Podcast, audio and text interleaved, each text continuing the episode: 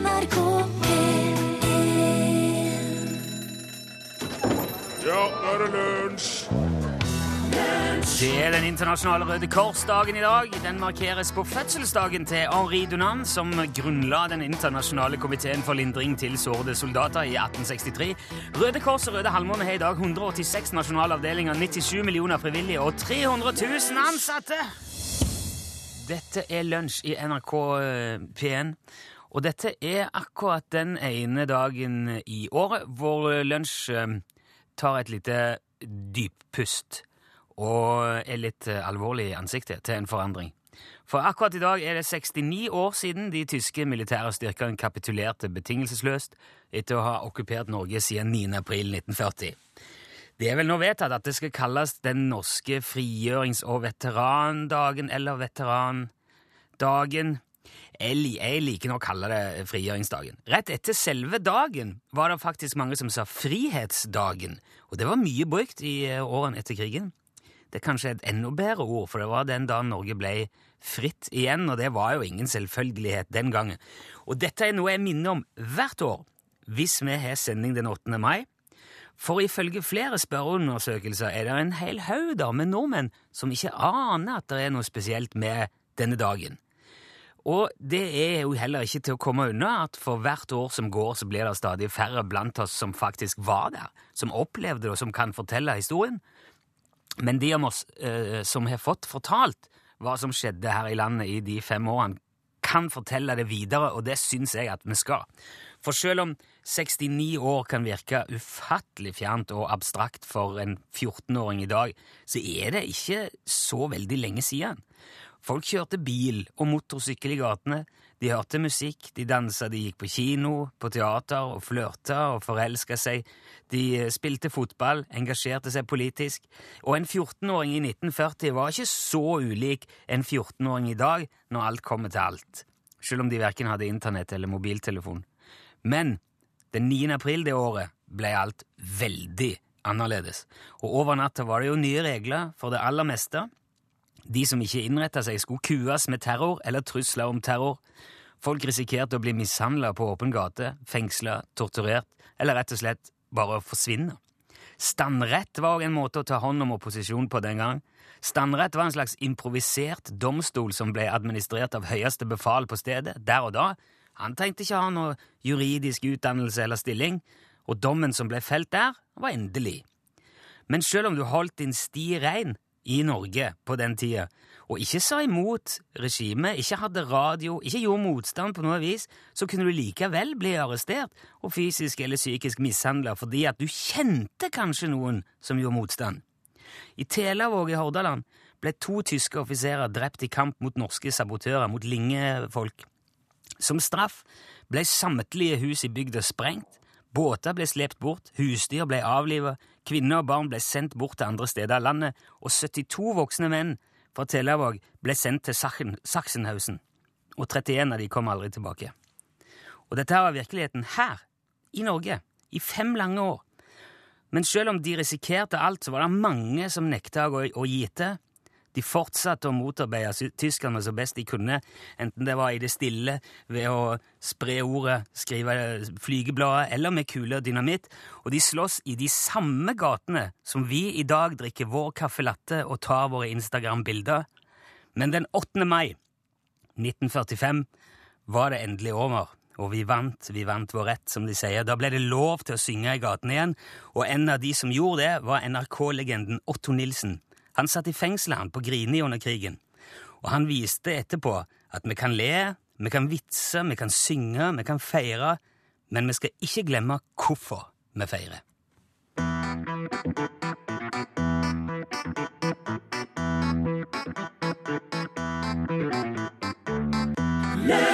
Råka pil. Du hørte Hellbillies i lunsj, NRK P1. Ja, mitt navn er Rune Nilsson, forresten. Hei, hyggelig at du hører på P1 i dag. Vi pleier vanligvis være, eh, om ikke en hel gjeng, så i hvert fall to når vi lager dette programmet, men i dag er jeg helt eh, alene her. Det er jo sånn av og til når man er en liten og smidig organisasjon, så er man òg ja, man er en smule sårbar da, for eh, både sykdom og uforutsette hendelser. Og når slike ting skjer, så hender det at jeg tar meg en tur eh, rundt i arkivet og, og snoker litt. Eh, for eh, det er ikke alt jeg klarer å, grave opp på ferskvare når, når vi blir underbemanna. Men akkurat nå så er det jo mai, da, og det er jo konfirmasjonstid igjen. Og nye puljer med kappekledde ungdommer skal jo sluses gjennom landets kirke- og festlokale gjennom vårsola inn i voksenlivet med lommene fulle av sølvkjeder og barbermaskiner og gavekort og kontanter. Og det er jo ja, det kan, en, det kan være en risikabel og krevende øvelse for egentlig alle involverte. Og så forekommer det jo da at det ikke går helt som planlagt. Og jeg tror et av de beste eksemplene på det er skrevet av vår gode venn og lytter Spolen. Hun sendte et konfirmasjonsdikt på denne tida i fjor. Og det gjorde vi en slags snakkevise ut av. Og jeg syns det, det, det, er passende å hente fram den igjen, både til skrekk og advarsel og glede for nye og gamle lyttere, kanskje spesielt de av dere som har konfirmant i år. Dette her er Engelen av Spolen. Det var en søndag i mai, min konfirmasjonsdag. Hjemme var det gjort klart til festmiddag. Jeg sto der i rosa minikjole, og permanent kan dere tenke jeg på dette var spent. Jeg var spent, jeg var spent, jeg var spent. Men først måtte jeg til Petrikirka gå, hvor jeg Jesus sin velsignelse skulle få. Hvite kapper måtte øve vår fineste stas. Her skulle det ikke vises fram pynt og fjas. Pynt og fjas, pynt og fjas, pynt og fjas. Det var på vei ned fra galleriet dette hendte. Vi kunne knapt på den store stunden å vente. Derfor sprang vi alle fort nedover trappa, og dermed snubla jeg i den lange, hvite kappa. Hvite kappa, hvite kappa, hvite kappa. Som en hvite engel for jeg gjennom lufta. Jeg hørte noen skrike og ropte uff. Jeg landa ned i våpenhuset med et brak og blei sittende på en ømme og forslåtte bak. Slåtte bak, Der satt jeg på gulvet ganske så fortumla og ør, mens skoene mine for ut av kirka si åpne dør. Hjelpende hender stabla meg på beina igjen, mens sminka rant og jeg ville helst gått hjem. Helst gått hjem, helst gått hjem, helst gått hjem. Ennå kjenner jeg et sug i magen når jeg tenker tilbake på denne maidagen. Da en liten hvit engel ned galleritrappa fløy, men ok, jeg innrømmer det, det var litt gøy. Nei,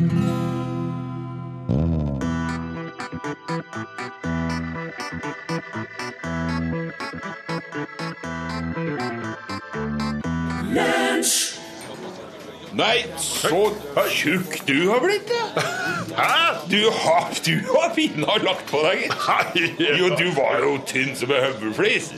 Nå er du, du er jo feit som en julegris. Nei, så tjukk du har blitt. Nei da. Nei, men du, du må pinadø slanke deg litt. Altså. Ja, du, og, og, og, har du det bra? Ja, jeg har det bra. Åssen står det til? Ja, det står bra til. Det var lenge siden sist, da. Ja, det var det. Ja. Jeg elsker livets goder, og jeg er jo litt for glad i mat. Jeg burde vel mosjonert litt, men så er jeg òg ganske lat. Ja. Og med litt for mange kilo så blir jeg ganske lei, for samme år jeg treffer, så skal de jo fortelle meg Nei, så tjukk du har blitt? Ja. Ja, men du har da pina lagt på deg Men gitt. en, en kveld som jeg var ute, så traff jeg en jeg kjente godt. Ja. Han klappa meg på maven, så flirte han ganske rått sånn Ha-ha-ha, blir det gutt eller jente? Si meg, er du langt på vei? Ja, samme år jeg treffer, så skal de fortelle meg. Nei, Nei, så tjukk du har blitt. Ja! Ja, men du har da pina lagt på deg, gitt. Du var, Jeg, jeg, jeg, en Nei, jeg trøster meg med en ting. Jeg kan slanke bort litt fett. Ja. Det er mer synd på dem som er født med for lite vett. Ja, det er, det er sant. Så til deg som slenger med leppa, det kan kanskje lønne seg å finne et annet tema når du tenkte å si til meg Nei, så tjukk du har blitt. ja. Ja, men du har, du har da pina lagt på deg, gitt. Du var jo tynn som en høvelflis. Nå er du jo feit som en julegris. Jeg er ikke det! Jeg er ikke feit! Jeg er ikke julegris! Ikke mer sukkertøy, ikke mer lade. Kan jeg slenge et litt gulrot opp meg, Ja, det kan du få.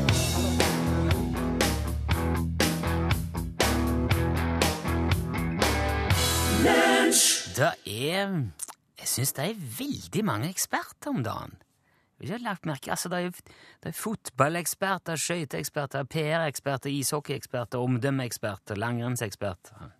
Mateksperter, musikkeksperter, kunsteksperter. Jeg sier det fordi det, det siste jeg så da jeg var eh, Grand Prix-ekspert, det var det som fikk meg til å spekulere på dette. her. Jeg så en svensk ekspert uttale seg om Carl Espen Torbjørnsens innsats under prøvene i, eh, i København denne uka. Det er jo snart Ja, det er jo finale nå til helga. Og, eh, og han um, svenske eksperten da sa mer følelser. Mer følelser, sier svensk ekspert. Det står på VG-nett. Det er den svenske Eurovision-bloggeren Torbjørn Ek. Han mener at Carl Espen er død i blikket. Og når en ekspert sier at du er død i blikket, da tenker jeg ja, da er du vel død i blikket, da. Eh, Men så stussa jeg jo litt, og så jeg, jeg begynte å grave litt. Og jeg har funnet definisjonen på en ekspert. Det er en som konsistent presterer eksepsjonelt innenfor et bestemt område. For å bli ekspert kreves det daglig og intens øvelse innenfor et spesifikt område i minimum ti år, står det i eh, definisjonen som jeg har funnet. da. Det er med andre ord ikke småtteri som skal til for å kalle, seg eh, ekspert, selv om det, antag, det er jo sikkert ikke noe beskytta tittel, men det, det skal litt til, da.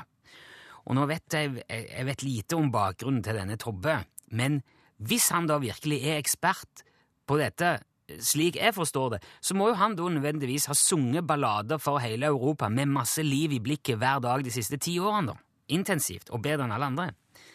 Altså, når Tom Nordli for eksempel blir presentert som fotballekspert, så er det fordi at han har trent fotballspillere bortimot daglig i over ti år, og det har han. Han starta trenerkarrieren sin i 1987, dette har jeg sjekket opp. Og i og med at Grand Prix arrangeres én gang i året, da vil det jo naturlig nok ta ganske mange år å opparbeide seg en tilsvarende erfaring innen, innen feltet. Og hvis vi tar et litt sånn enkelt eh, regnestykke da, og er litt raus, så kan man si da at deltakerne kanskje synger bidraget sitt hver dag i en måned, da, med alle øvelsene og delfinaler, promooppdrag og alt, alt det som følger med. Da vil det jo fortsatt ta 120 år å opparbeide seg ti års erfaring på å synge ballader i Grand Prix med levende blikk. Og jeg ser ikke bort fra at Tobbe Eek har sett på Grand Prix i ti år. Og han har sikkert kommentert flittig òg underveis, men så langt jeg har klart å finne ut, så har han aldri deltatt sjøl. Og, der, og da tenker jeg, da kan han jo nesten ikke kalle seg ekspert på å synge ballader med levende blikk. Ja, dette her er, jeg skjønner at dette her kanskje er litt sånn flisespikking. Eh, Det, det er nok det. Men jeg syns bare det skal veldig lite til for å bli omtalt som eksperter om dagen. Det virker nesten som at enhver som gidder å uttale seg om noe de har en viss interesse for, får tittelen ekspert med en gang de kommer på trykk. Og det ser jo mye bedre ut òg på trykk. Det hadde ikke vært så eh, viktig, da. Hadde ikke føltes så viktig hvis VG skrev 'Grand Prix-interessert svenske ber Karl Espen vise mer følelser'. Og nå mener jeg ikke å ta han svensken der, for all del. Han kan være kjempeflink til å se på Grand Prix, for alt jeg vet. Han kan være Europas aller fremste Grand Prix-seer. Jeg syns bare det er forskjell på å se på og faktisk synge, da. Og jeg tror nesten man må i hvert fall prøve noe for å kunne bli ekspert på det.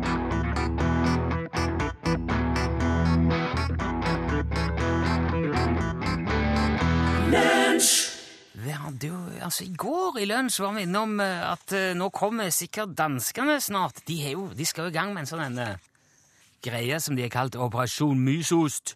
Og så skal det komme med dansker hit og ta over landet på 17. mai. Det kan i hvert fall se sånn ut, det, det der som de har lagt ut på internett. Danskene. Og i bakkant av det så sa jeg Are Sende Osen, som var med her i går, at det er ikke sikkert det er så dumt, for det er så mye god ost i Danmark. Og det igjen leder til at det er veldig lite god ost i Japan.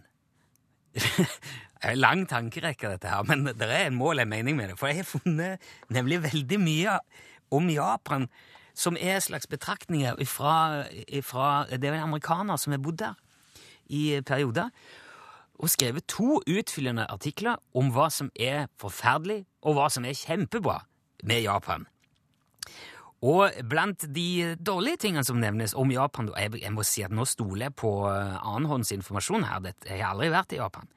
Men eh, noe som trekkes fram som et særdeles eh, tydelig minus med Japan, er at de ligger så forferdelig langt etter resten av verden med kinopremiere.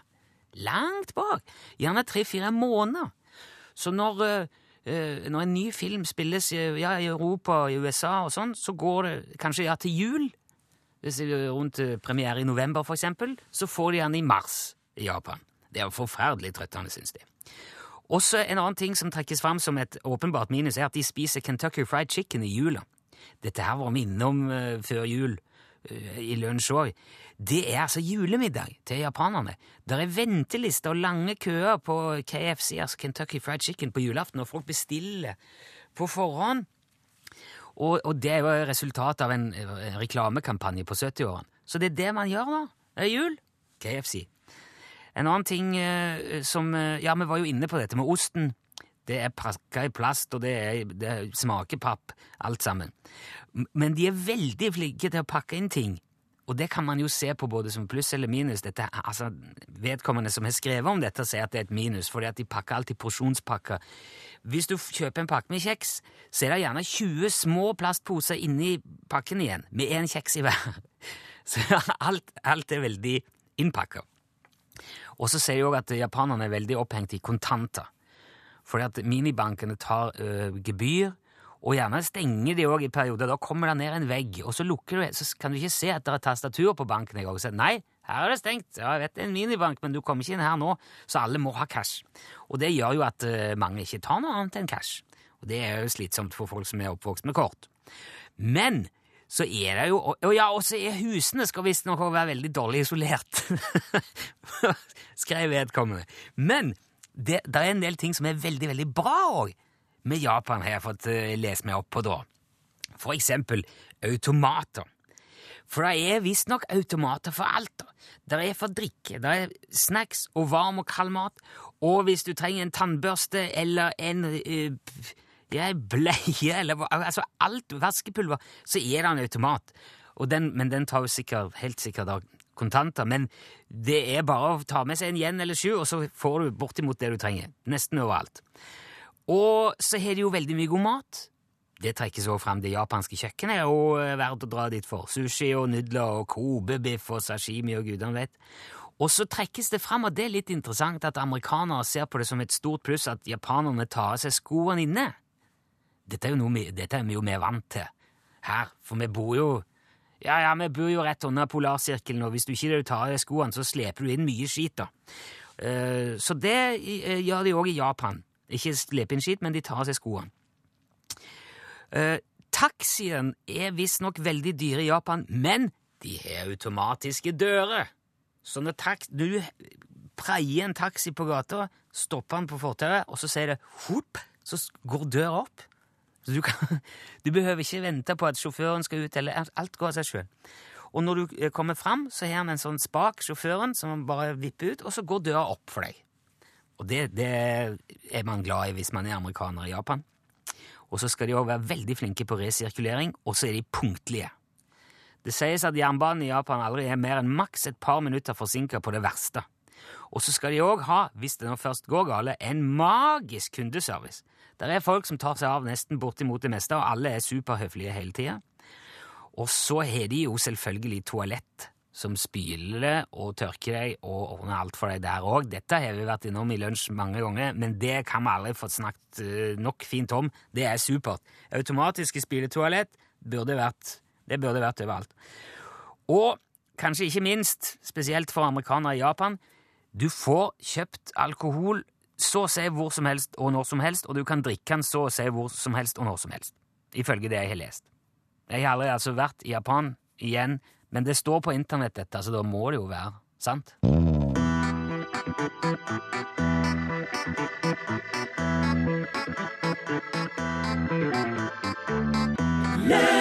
Bom!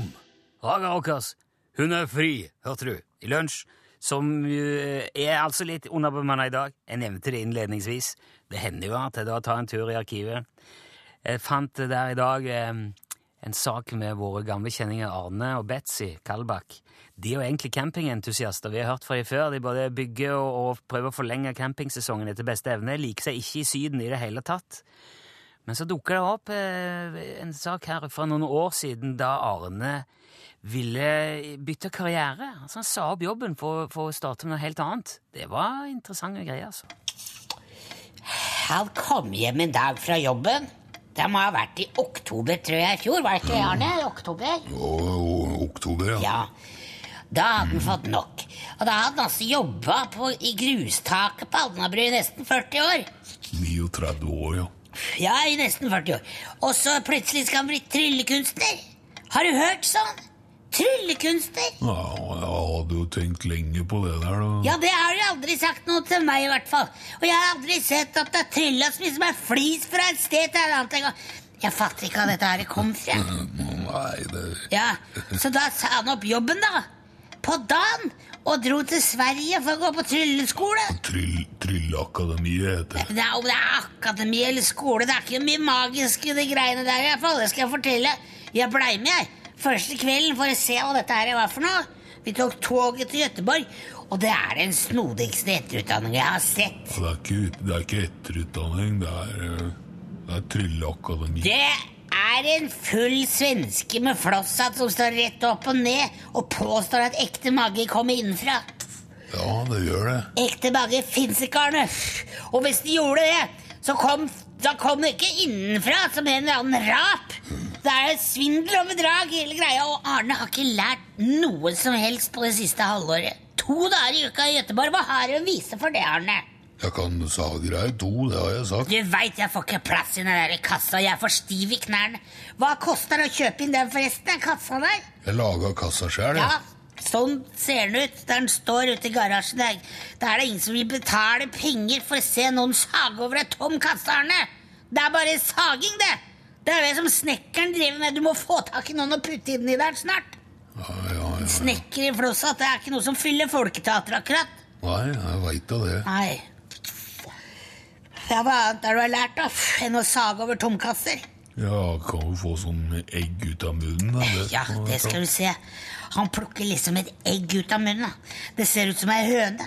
Du ser ut som ei høne. Folk skal spise egg, ikke gulper dem opp. Det er et triks, vet du. Etter formannen i Grustaket har sagt at han kan komme tilbake når han vil, men Arne nekter, da. Han skal ut i verden og bli stjerne, sier han. Med et brett med egg og ei tomkasse. Hæ? Og, og en kanin. Jeg har jo kanin. Nei, det må bli uten kanin, er jeg redd, Arne. Den løp ut til veien da jeg skulle hente posten i går morges. Den ble påkjørt av en moped. Moped? Ja, den er dau som ei sild, hele kanina. Du må klare deg med kassa og egga. Ja, ja. Nei, skomaker blir jo din hest, sier nå jeg. Og hvis ikke du kan trylle fram noe penger snart, så blir det ikke mye maggi her i huset framover. Det kan jeg love deg. Nei.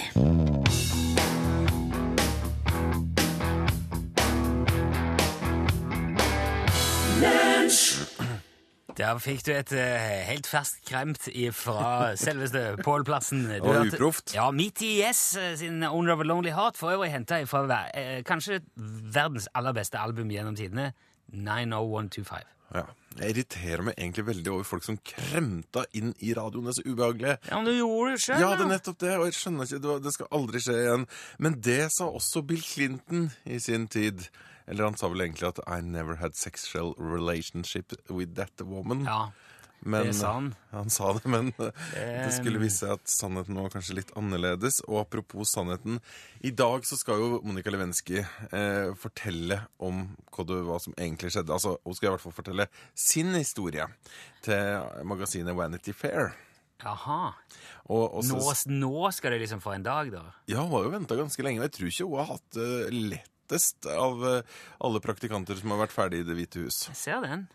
Så eh, Monica Lewinsky altså, og så må få en liten repetisjon på hva som skjedde mellom en president, en praktikant og, og eh, helt, eh, en hel medieverden, rett og slett, idet vår korrespondent Gro Holm blir med oss eh, i Norgesklasse i dag.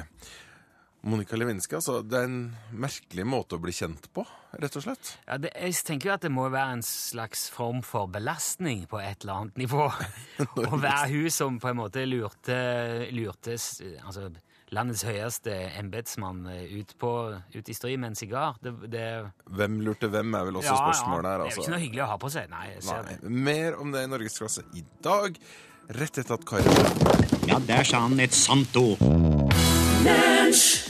Hør flere podkaster på nrk.no podkast.